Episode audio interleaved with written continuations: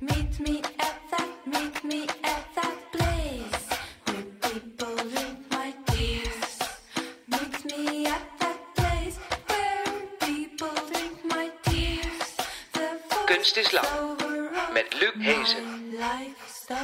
Goedenavond en welkom bij Kunst is Lang, het interviewprogramma over hedendaagse kunst in samenwerking met online kunsttijdschrift Mr. Motley. We zitten hier eh, in Museum van Loon en je ziet ons ook dit seizoen op Pomando 24 Culture, digitale tv-zender. En die kun je vinden in je digitale box van KPN, Access for All en Telfort. Of op internet natuurlijk, mrmotley.nl kan ook. En je hoort ons natuurlijk nog ouderwets op de radio op Amsterdam FM elke woensdagavond tussen 8 en 9. Maar goed, we zijn dus ook te zien en ja, we zitten in het Museum van Loon. Tonko Greven naast mij, directeur en conservator. Wat is dit voor een fantastisch vertrek waar we nu zijn? Ja, volgens mij hebben jullie dit jaar een heel spannend seizoen. Op eh, heel verschillende locaties eh, komen jullie. Waaronder dus Museum van Loon. En dat is natuurlijk een beetje, denk je, van hedendaagse kunst en Museum van Loon. Eh jazeker, dat is eigenlijk een hele goede combinatie. Je ziet ook juist heel veel banden uit het verleden terugkomen hier in, in huis. We zitten hier in de Drakensteinkamer, eh, genoemd naar eh, kasteel Drakenstein. Ehm, en dan kun je natuurlijk afvragen, wat heeft kasteel Drakenstein met het Museum van Loon eh, van doen? Ja. Dat zijn namelijk deze wandschilderingen. Eh, wandschilderingen waren heel populair in Nederland in de 18e eeuw. Eh, ook dit huis had wandschilderingen, maar die waren echter verdwenen. En toen Jonkheer Maurits van Loon deze wandschildering kon kopen van eh, prinses Beatrix, toen heeft hij dat gedaan, omdat er namelijk een relatie is tussen kasteel Drakenstein en dit huis. Ze waren beide eigendom van de familie Sanders. Dit was een stadshuis, een Drakenstein een buitenhuis. En vandaar tot Jonkheer Maurits van Loon logisch vond om deze wandschilderingen eh, aan te kopen. In Italië heb je fresco's. Dat werkt niet in Nederland vanwege het eh, koude en eh, vochtige klimaat. En verdwijnen die. En vandaar dat dit eigenlijk een beetje de Nederlandse oplossing is. Gewoon olieverf op doek. En vandaar dat ze dus verplaatsbaar zijn. Nou ja, het kost een dag of wat om ze eruit eh, te halen. En Ja, heb je ook wat hoor. heb je ook Toch? wat. Het is, eigenlijk, het is eigenlijk een beetje een, een soort. eh, het werken als vensters. Je kijkt eigenlijk uit op, eh, op de baai van Napels, Capri. Het is eigenlijk het idee van dat je in, in koud Nederland lekker kijkt naar een mediterraan zeegezicht. en ja, hopelijk werkt het jullie ook om een beetje wat warmer te krijgen Ja, in dit eh ouderwetshuis. dankjewel Veel. Tonko. Nou, eh, mochten we de warmte nodig hebben, dan, dan weet je het, Nasmir. Dan, dan kun je daar naar kijken, want jij bent mijn, eh, mijn gast van vanavond. Kunst is lang, maar kunst is ook breed vandaag. We rekken de grenzen een beetje op in de richting van theater en het schrijvende. Want Nasmir Oral is mijn gast. Die kennen we als actrice uit Nederlandse series, bijvoorbeeld Baantje. films. Ze won afgelopen jaar een gouden kalf voor haar rol als moeder van, wanhopige moeder kunnen we wel zeggen, van een jonge jihadist. Hele mooie rol. Maar je kent haar ook uit het theater van gesluide monologen bijvoorbeeld. Ze is schrijfster, had jarenlang een column in de Volkskrant eh, en schreef de roman Zera. Je bent bezig met je tweede boek, hè? Ja, en eh, met een hele mooie voorstelling. Niet meer zonder jou. Niet meer zonder jou. Daar gaan we het zeker nog over hebben. Welkom. Wil je alvast wat zien van Nasmir? Ga dan naar mrmotley.nl. Ehm, ja, wat heel veel mensen niet weten is, dat kunnen we nog toevoegen aan dit, dit rijtje feiten, is dat je ook naar de kunstacademie geweest bent in Arnhem. Nou, echt zeer sumier. Ja. Echt een blauwe maandag. Ja, Van heel kort. Ja, ik heb Heel mode kort. gedaan. en, maar het was een hele tour eh, om daar te komen. Ja. Je was 18 jaar oud, je, je zat thuis met je Turkse ouders in Hengelo. Ehm, die lieten jou niet uitgaan. Je was uitgehuwelijkt, eh, verloofd al. En je zei in een interview, ik heb millimeter voor millimeter terrein gewonnen en, en mijn eigen leven teruggepakt. Hoe, hoe ging dat? Eh, hoe ging dat? Gewoon... eh, Nou, niet, niet gewoon. nee, lijkt niet. Nou ja, goed. Ik kom... eh, ehm, ja, ik ben, ik ben een, in die tijd vooral, want ik ben nu 47 en de generaties na mij zijn natuurlijk iets losser allemaal. Maar ik was eh, ja, de eerste die hier werd geboren, gastarbeiderouders, die, ehm, die met regels en tradities van het land van waar ze vandaan kwamen leefden.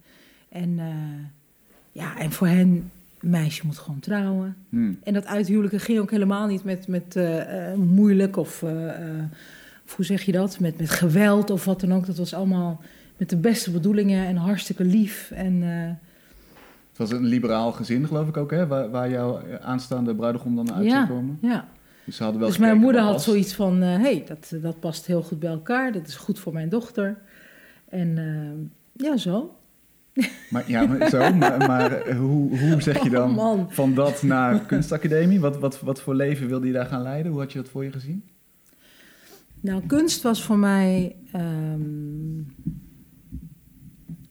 Kijk, ik, ik word. Ik word eh, kunst was voor mij echt eh, de redding. Hè? Je moet je voorstellen. Het is niet zozeer, niet zozeer die, die Turkse cultuur of zo waar je vandaan komt, maar gewoon je groeit op in Hengelo.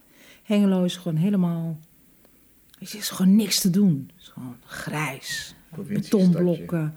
Eh, we, we komen ook, eh, ik, ben, weet je, ik ben geboren in Hengelo en ik, wij woonden mijn hele leven lang in de sterrenbuurt. Ik, moet, ik noem het dan een soort ghetto. Het is natuurlijk niet zo spannend als in, weet ik veel, New York of zo. Maar het is wel met dezelfde eh, emotionele ehm, vooruitzichten eigenlijk. Weet je? Het beste wat je kan doen is, je, gaat, je gaat of je wordt huisvrouw of je gaat ook ergens in een fabriek werken of zo. Dus er is eh, uitzichtloosheid eigenlijk. Ehm, allemaal mannetjes waar je in moet ehm, eh, passen. En kunst ehm, betekende voor mij vrijheid. Het echte leven. De hele wereld aan je voeten. Eh, ja, dat. Redding. Ja, Ja. mode wilde je doen. Nou ja, ik wilde niet per se mode doen, maar ik, ik, ehm, ik zat op de MDGO mode en kleding. Want eh, ik wist niet wat ik eh, moest doen na de middelbare school. En eh, degene die ons dan hè, adviseerde, die zei... ja, maar je moet dan zo'n ding invullen. Je weet wel hoe dat gaat, dat je, waar, waar dan uitkomt waar je goed in bent. En die Oh ja, zei, kijk, of zo. ja, precies. En die zei, kijk, als je dan MDGO mode en kleding, kleding doet in Borne, dan ehm, in Borne of all places, nog kleiner dan Hengelo. Dat Dan was zei diegene, dan kan je daar tekenen en drama doen. En eigenlijk drama en zo, dat, dat sprak me wel aan, maar ik had nog helemaal niet door dat ik dat waarschijnlijk heel bijzonder of leuk zou vinden. Ja. Dus toen ben ik dat gaan doen en ja, dat was mode en kleding. Dus vandaar dacht ik. ehm, en ik had talent, dus ik dacht, ik wil, ik wil weg. Ik wil, en ik wil naar het beste. En dat was Arnhem, wat Ja. mij betreft. Rietveld was ook goed, maar Arnhem was eigenlijk toch wel het beste. Ja. Maar waarom eh, geen glansrijke carrière in de mode? Wat, wat, wat ging er mis? Hoe liep het? Oh, op zich. ehm, nou, ten eerste was ik denk ik toch wel echt als een soort. Weet je, aan de ene kant kom je. Ik was 21, ik was toegelaten en. ehm, ik merkte dat ik verschillende dingen meemaakte. Aan de ene kant had ik kennelijk kunst zo. eh, ehm, zo eh, verheerlijkt. Ehm, en wat daarbij hoorde, dat gevoel wat daarbij hoorde. Een soort, dat was een soort plek waar je dingen onderzoekt, waar geen grenzen zijn. Waar, en ik vond iedereen op de kunstacademie zeer burgerlijk. Dus dat vond ik echt, ik vond dat zo erg. En ik weet ook nog dat ik ehm, in de kantine stond of liep of weet ik veel. Even zo om me heen keek en dacht, dus iedereen heeft hier talent? Dat kan niet. Dat vond ik echt heel erg. Weet je? Te veel genieën in één ruimte. dat Nee, ik dacht, dat kan niet. Ik, ik, ik weet niet, ik weet niet wat ik... Ik keek naar mensen en ik dacht, dat, dat jij... En dan dat, dat, dat meest hoogste van het hoogste, dat bijzondere, geniale, dat wat de wereld redt. Jij, en dat, je, dat jij dat ook hebt? Nee, dat kan echt niet, weet je zo. Dus het was een soort bijzondere ontrucht, ontnuchtering van... Ik had het gewoon totaal geromantiseerd, denk Ja. ik. Want het was jarenlang mijn redding, weet je. Ik, ik, eh, ik luisterde naar Jimi Hendrix. Ik luisterde naar ehm, eh, eh, Stravinsky. Ehm, en ik eh, ehm, schilderde. Hè? En ik had heel veel fantasieën over, over ooit vrij zijn. Ja. Dan valt er een soort van droom in duigen, lijkt me. Hoe- Nou, iets van realisme komt daarbij. oh ja, oh, dat is positief geformuleerd. Vind ik mooi. Ja. Ja. Nou ja, en, en met mode merkte ik ook, kijk, aan de ene kant denk ik dat ik, ik was totaal natuurlijk, eh, ehm, eh, ik kwam uit een soort warzone, Hmm. denk ik wel. Hè? Ik, moest, ik moest telkens, eh, ik, mo- ik moest die verloving verbreken, ik moest mijn, mijn plek veroveren, ik moest, als ik de hele tijd moet niezen, dan het spijt me, want ik, ben niezen. een beetje Ja, verkouden. je bent gewoon verkouden, dat kan. Maar ehm, dus dat bevechten kost natuurlijk heel veel energie. En ik kwam in Arnhem en ik woonde alleen. En dan val je natuurlijk ook in zo'n gat. Of je, je, aan de ene kant denk je, woehoe, weet je. Dus ik ging echt zes nachten in een week uit. Ik deed niks. Ik keek alleen maar om me heen. En ik had echt als- alsof ik een soort, in een soort dierentuin of een soort waanzinnige plek. Dus ik keek, ik zag allemaal mensen en ik dacht, oh, oh wauw, dat bestaat ook. Weet je wel, gewoon helemaal... En ehm, dus ik was veel te gepreoccupeerd met het leven of zo, dat tot mij kwam ineens en al die vrijheid. En ik voelde heel duidelijk dat eh, ehm, met mode, ik voelde heel duidelijk, ik dacht, ik wil niet via stof, ehm, weet je, dat, dat voelde als een soort omweg. Hè? Je moet alles eerst in, in stof eh, gieten, in je Mhm. creatie. En, en dat gaat dan naar de mensen en via stof communiceer je. Dat wil ik niet. Ik wilde rechtstreeks. Ja. Dus dat was heel helder. Want daar ging het om, om de communicatie met mensen. Ja, communicatie klinkt dan saai. Het ging niet om. Maar, maar de, de, wat je te zeggen hebt of wat je wil laten zien, dat je dat per direct, ja, van mens tot mens kan overbrengen. Ja. Ja, dat, dat was wel heel duidelijk. En ehm, waar zit dan het, het eh, waar zou je de functie van kunst leggen, zeg maar? Want, want die communicatie, eh, snap ik, is, is kunst dan iets wat dat versterkt, zeg maar, de kunstmatige vorm ervan? Voor mij, door de jaren heen. eh,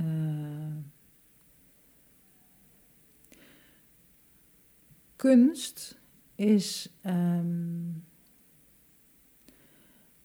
ja, nou ja, voor mij is het de manier om de dingen te duiden en de dingen tot je te kunnen nemen. Hm. Dus ehm, met duiden bedoel ik niet dat je het kan uitleggen of wat dan ook, maar je kan de wereld ordenen met kunst. Ja. En op zo'n manier eh, ehm, wat waar is of wat je ziet, hè, eh, op zo'n manier vormgeven, dat het bij iedereen ehm, op een ander niveau dan dat hoofd of, of het begrip binnenkomt. Ehm, ik weet niet, ik, ik vind dit altijd een hele moeilijke, omdat als je het hebt over een toneelstuk, kan ik je precies vertellen wat de, wat de rol van kunst is. Als je het hebt over een soort eh, een, een stuk wat ik uitdraag, gewoon voor een groep mensen eh, vertel of, of half spelend zeg, dan, dan ben ik iets anders aan het gebruiken van kunst. Ja. Eh, als je een stuk tekst hebt, is het weer iets anders. Laten we naar een voorbeeld gaan, want eh, we gaan het straks nog hebben over jouw voorstelling die je nu speelt met je moeder. Ja, Ehm, maar je hebt voor de Biennale Gelderland onlangs een, eh, een brievenproject gedaan. ja, En misschien kunnen we dan naar de waarde van kunst in dat project. Daar schreef jij voor mensen brieven. Dus ze kwamen met Ja. problemen naar jou toe. En je, jij hebt het aangehoord, geloof ik. Hè? En, en je hebt het in een, nou toch ook in een kunstvorm, eh, mooi opgeschreven als brief. ja. Wat is daar de rol van kunst? Wat, wat heeft daar voor functie gespeeld? Ehm, het was, het was, eh, ehm, het was en is, dat is echt een waanzinnig prachtig project, omdat het op heel veel lagen werkt. Ten eerste, het mooie aan kunst is, je schept een vorm, een, voorwaarde om eh, in dit geval radicaal intiem te kunnen zijn met elkaar, terwijl je elkaar niet kent. Dus je zegt, in dit geval zei ik tegen willekeurig wie tegenover me zat: Ik ben er nu voor jou. Anderhalf uur lang, twee uur lang ben ik, sta ik totaal tot je beschikking. En ik zal met, met mijn hele intelligentie, dus niet alleen mijn hoofd of mijn, mijn kunstenaarschap of mijn, eh, mijn hart of emotie of uh, spiritualiteit, weet ik veel. Hm? Nee, mijn totale menselijke aanwezigheid met die 47 jaar aan kennis, ehm, ben ik hier en ik sta in dienst van jou. Ehm, dus je schept eerst eh, de voorwaarden om in contact te kunnen treden. En unieke voorwaarden ook natuurlijk. Want wanneer is dat nou zo? Precies. Eh, dus dat is, dat is al wat kunst vermag of zo. Hè? Je, kan, je, kan, je, kan een soort, je kan een soort hyphen doen in het leven zelf. Je kan een stuk eh, eh, oplichten. Mhm. En je kan een soort verdikking in de realiteit doen. Dat je zegt, oké, we gaan nu iets oefenen. Dat als we hier uit zouden stappen, Dan denk ik, ja, ik ken Luc niet en jij kent mij niet. En, en we kunnen dit, we, we moeten een vorm hebben om veilig te kunnen zijn, om afspraken te kunnen hebben, zodat we helemaal vol erin kunnen gaan. Ja. Dus dat is al prachtig. Dat doe je. En eh, daarna mensen eh, vertelden hun ding, eh, of ze hadden iets met hun kind, of hun overleden partner, of ehm, nou ja, al die dingen. En, ehm, en dan gebruik je ehm, de intelligentie van de kunstvorm, eigenlijk literatuur. Ehm, wat voor heel veel kunst ook, vind ik een woord wat heel erg hè, misbruikt wordt, eigenlijk als hoog. Hè. Hm. Literatuur ook, oh, wanneer is iets literatuur? Terwijl ik denk, literatuur is een tool. Hm. Het woord is een tool. Het is van ons. hè. Ik gebruik het, het is van ons, het is, het is juist. eh, ik wil het niet hier kunnen zetten, ik wil het niet pas literatuur noemen als het, als het weet ik veel, ergens aan voldoet. Nee, literatuur is juist een vorm. Dat is de tool, het is van ons allemaal. Het moet, het moet van, de, van het volk zijn, snap je? En je gebruikt het om ehm, iets wat je in het leven pijn doet, waar je eigenlijk geen woorden voor hebt of geen plek voor kan hebben. Dat was wat ik merkte bij de meeste mensen. Ze dachten dat ze voor het e- een kwamen en ik merkte dat ze voor het ander kwamen. En, en samen gaven wij dat woorden weer vorm. Ehm, daarna schreef ik het op waar ze bij waren. En daarna werd het doorgegeven of het werd bij zich gehouden. Of Kun je eens een er voorbeeld kwamen- geven van één zo'n verhaal? Of is dat te complex voor nu? Nee, nee, heel, heel simpel. Ehm, als je zegt, geef eens een voorbeeld, zoek je dan naar, naar eh, eh, emotie? Of Ja, wat naar, naar, een verhaal. Naar één zo'n verhaal waarvan... eh, in- ik ben met name geïnteresseerd in wat je zei van... De, mensen komen voor het een en, en jij merkt op, ze, ze vinden het ander. En dat komt samen in een soort van... Wat ik heel bijzonder vond, bijvoorbeeld, was... eh, ik had op een gegeven moment een meneer... en ehm, hij wilde een brief laten schrijven voor zijn kinderen. Eh, want hij was Duits, hij was Duitser en hij woonde in Arnhem... en ehm, hij vond het belangrijk dat zijn kinderen Duits spraken. En hij sprak ook Duits met zijn kinderen. En zijn kinderen waren nu in de leeftijd, hè, puberteit... eh, en die vonden het vreselijk. En, eh, en hij had daar soms ruzie mee. Dus hij wilde eigenlijk aan hen zeggen van... ehm, ik snap het dat jullie het moeilijk vinden, maar ik vind het belangrijk en, en dus zo. Dus hij wilde zich uitleggen. Hij dacht dat hij daarvoor kwam. Toen gingen we praten. Uiteindelijk zat die meneer huilend tegenover me. Bleek dat hij zelf enorm veel moeite had met zijn eigen Duitse achtergrond. Ehm, bang was in deze tijd, de tijd waarin we leven.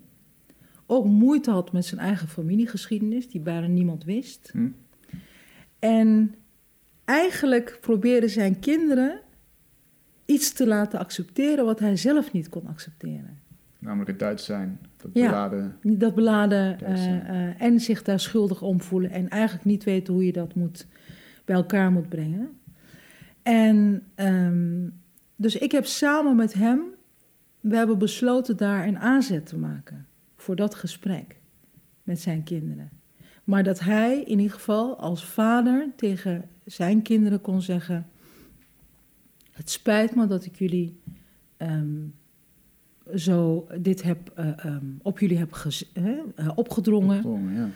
Ik heb eigenlijk moeite met mijn achtergrond en ik wil daar open over zijn en ik wil dat gesprek met jullie voeren. Dat was heel indrukwekkend. Ja. Ja. Nou, nou zou je ook... ehm, dit, dit klinkt ook bijna als een soort van therapie. Maar misschien is dat helemaal niet erg. Misschien is, is dat is het resultaat... eh, de, de, de brief in dit geval, als je dat het object zou, zou kunnen noemen, het kunstwerk... eh, ondergeschikt aan het effect wat het heeft. Nou, het echte werk, ehm, van daaruit voortvloeiend had je dan iets in je hand. Hè? Dat waren die brieven. Maar het echte werk, het was eigenlijk een live performance. Ja. Dat was het ontmoeten van twee mensen. En wat er kan gebeuren. En jij zegt therapie, eh, dat hebben andere mensen ook gezegd. Ik vind het een, een, ehm, een waarachtige ontmoeting, waarin je totaal vrij bent en samen op onderzoek uitgaat. samen gaat kijken van wat is er eigenlijk aan de hand? Is dat erg dat dat aan de hand is? Je bent letterlijk op die vrije ruimte, in die vrije ruimte ben je en je zet alles in. Dus je probeert zo ehm, zuiver mogelijk, zonder projectie, probeer je ervaring in te zetten, of je blik of je intelligentie in te zetten. Wat ook een kunst op zich is. Hè? Zeker. En, en, eh, en, en je probeert in die hele vrije ruimte te kijken van oké, oké, wat, is er, wat is er eigenlijk aan de hand? Ja, dus, dus dat, die ontmoeting was eigenlijk de, de performance, Ja. als het ware. En ik was heel erg verbaasd dat heel veel mensen, of bijna iedereen, er werd heel veel gehuild. Iedereen was heel open. Dus ehm, het was eigenlijk een soort the artist is present. Ja, Marina Ja. Abramovic, die dat natuurlijk Ja. ook deed, die vroeg mensen tegenover haar te gaan zitten en gewoon in de ogen te kijken. Precies. Maar is, is dat dan niet ook een soort van eh, schrijnend bewijs dat, dat we dat blijkbaar niet meer doen in het normale leven? Dat er Dat een doen we toch kunstvorm ook nodig is? Nee, maar dat is toch erg? Waarom is dat, waarom is dat niet eh, verplicht op middelbare scholen? Nee, waarom is dat niet eh, in het normale leven, zeg maar, gangbaar?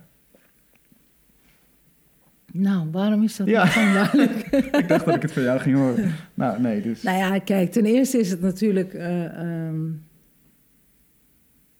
eh, het is, het is je, kan niet, je kan niet dit met iedereen doen. Nee. Het vergt, het, vergt, eh, het vergt tijd, het vergt investering. Ja. En dat is ook niet erg, hè, dat je het niet met iedereen kan doen. Maar het is wel erg dat je het, of erg. Bedoel, iedereen moet weten, zelf weten hoe ze leven. Maar voor mij merk ik, ehm, daarom, daarom is die focus in mijn leven zo op die radicale intimiteit, als het ware. Ik vind het wel als mens eh, ongelooflijk eh, Waardevol.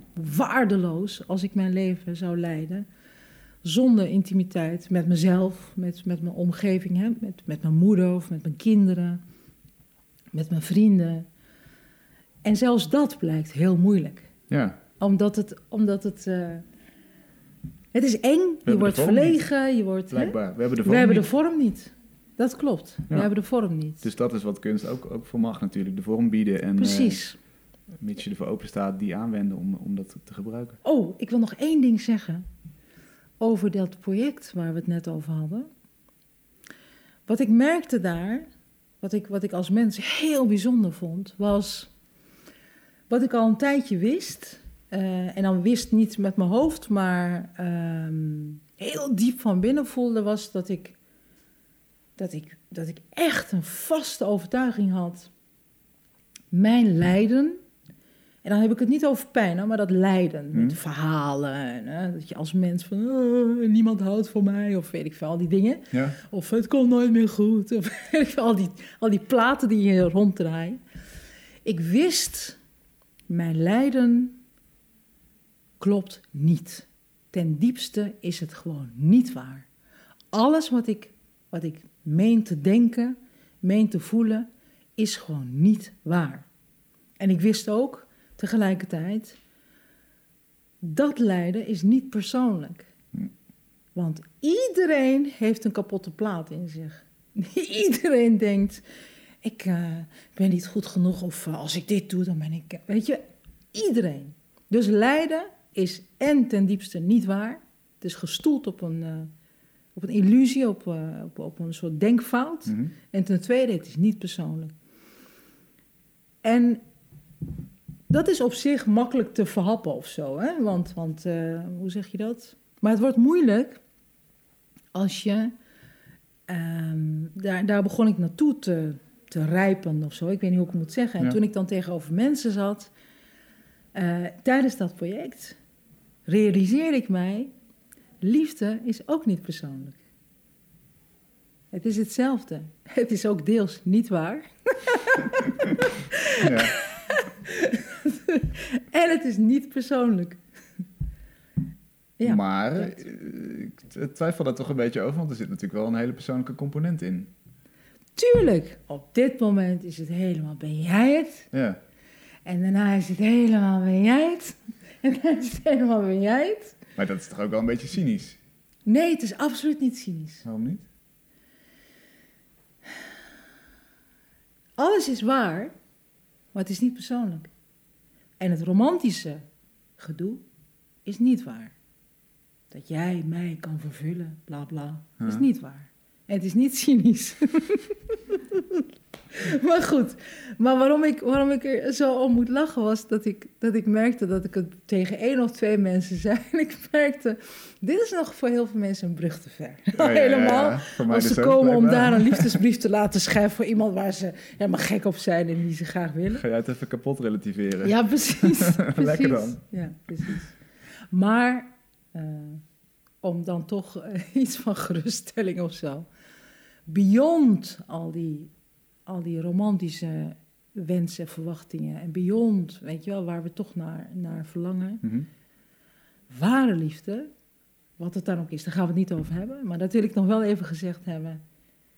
Dat is het meest waar. Het, het bestaat wel, zeg maar. Ja. Liefde bestaat wel. Dus Ja. dat, dat, dat daar, daar ben ik niet cynisch over.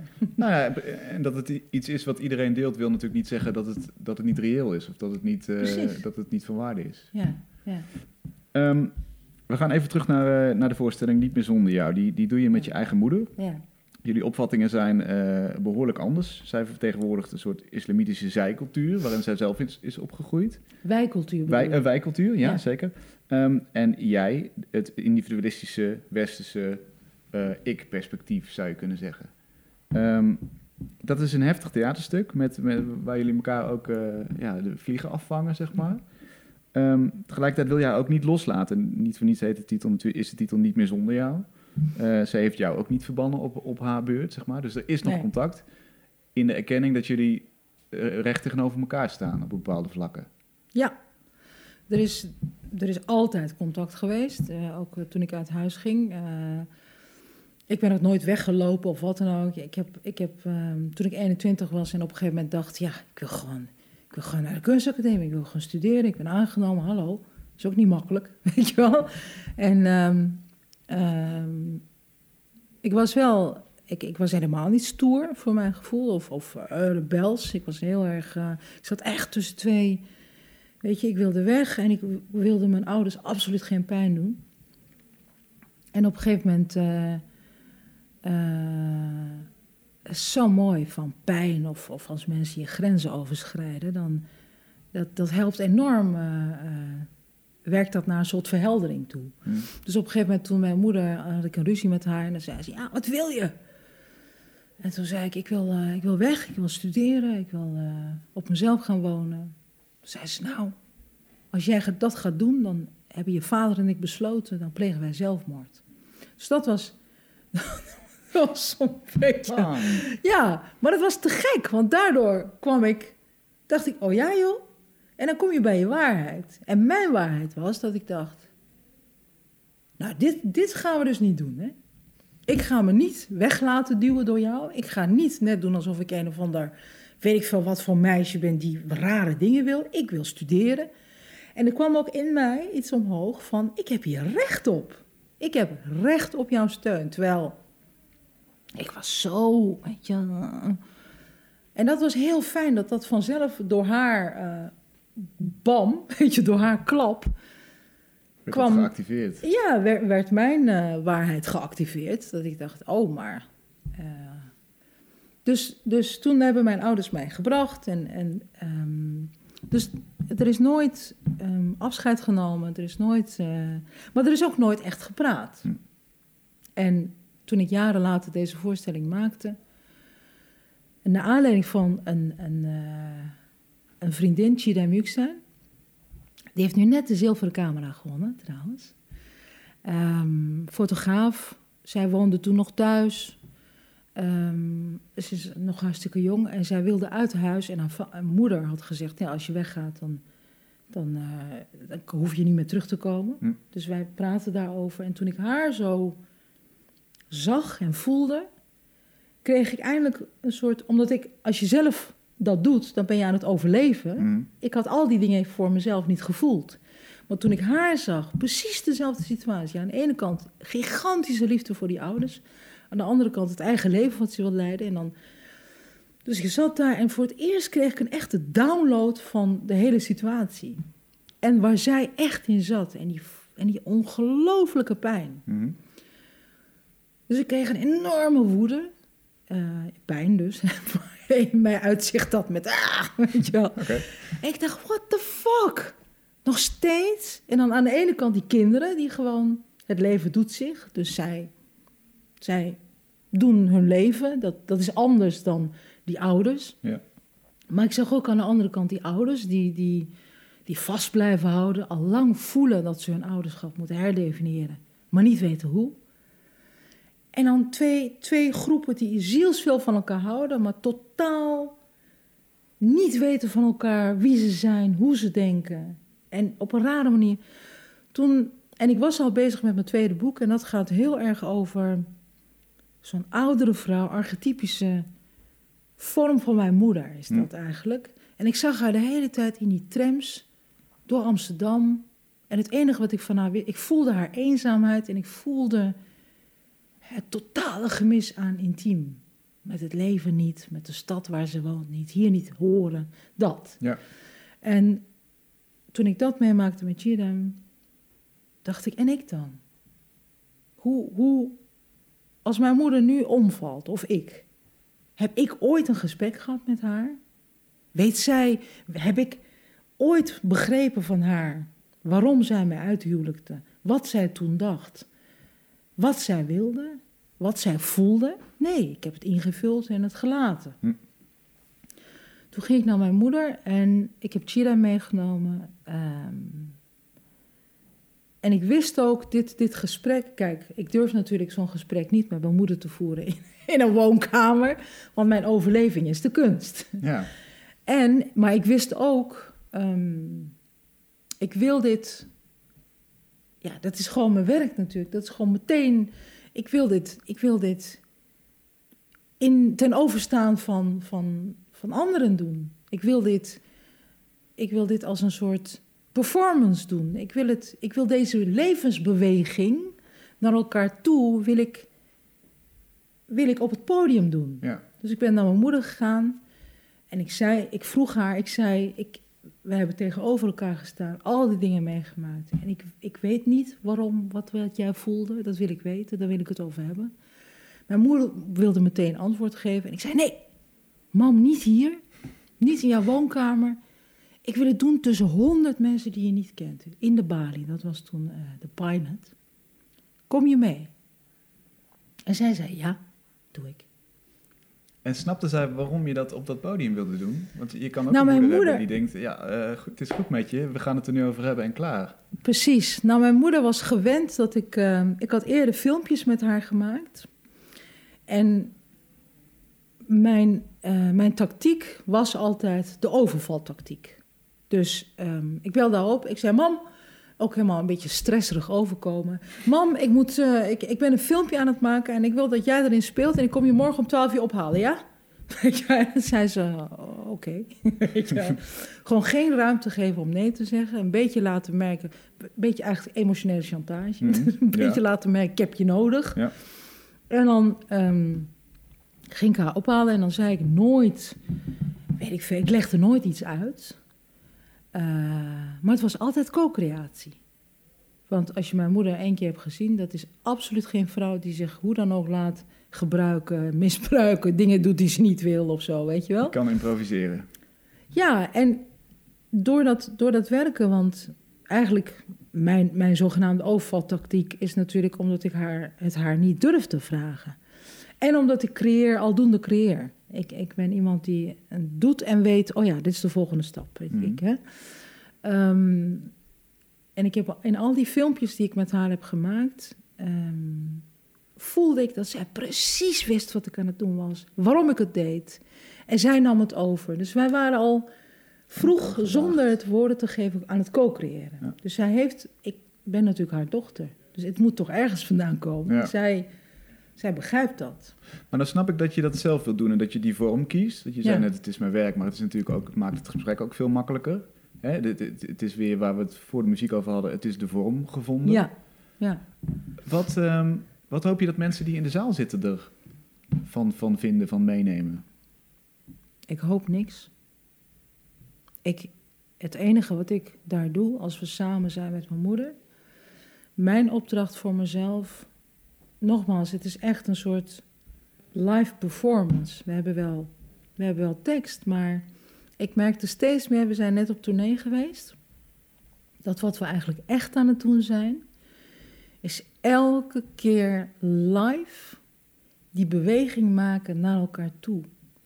Nog een laag eraf, nog een laag eraf. Keihard naakt op elkaar afrennen.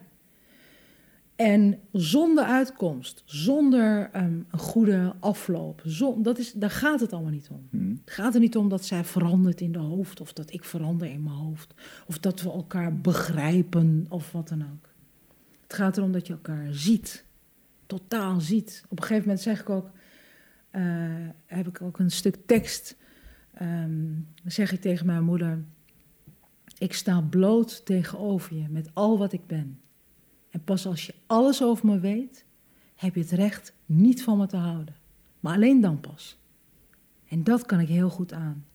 Daar buig ik met liefde mijn hoofd voor, want dan is het waar. En daar dorst ik naar.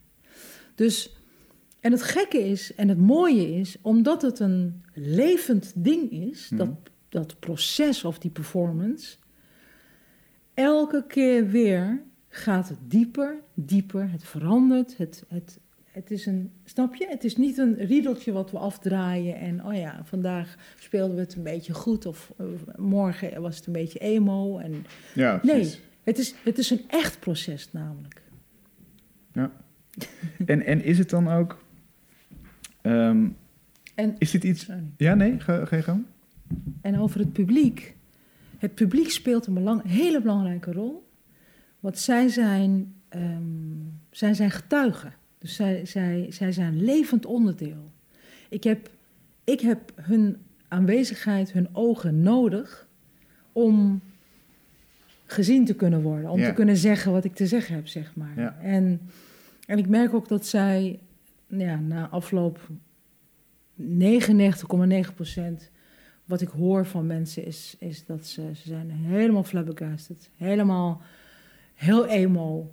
En eh, ik ga naar mijn dochter of mijn kind of ik ga mijn moeder bellen of eh, ik ga naar mijn partner. Weet je, mensen Ja. komen drie keer, vier keer terug. Nou, daar, daar, daar doelde ik een beetje op. Ik kan me voorstellen dat als je in de zaal zit... dat je denkt, ja, dit, dit is een vorm die ik zelf ook zou kunnen Ja, hanteren. mensen nemen ook... Hè, ja, precies.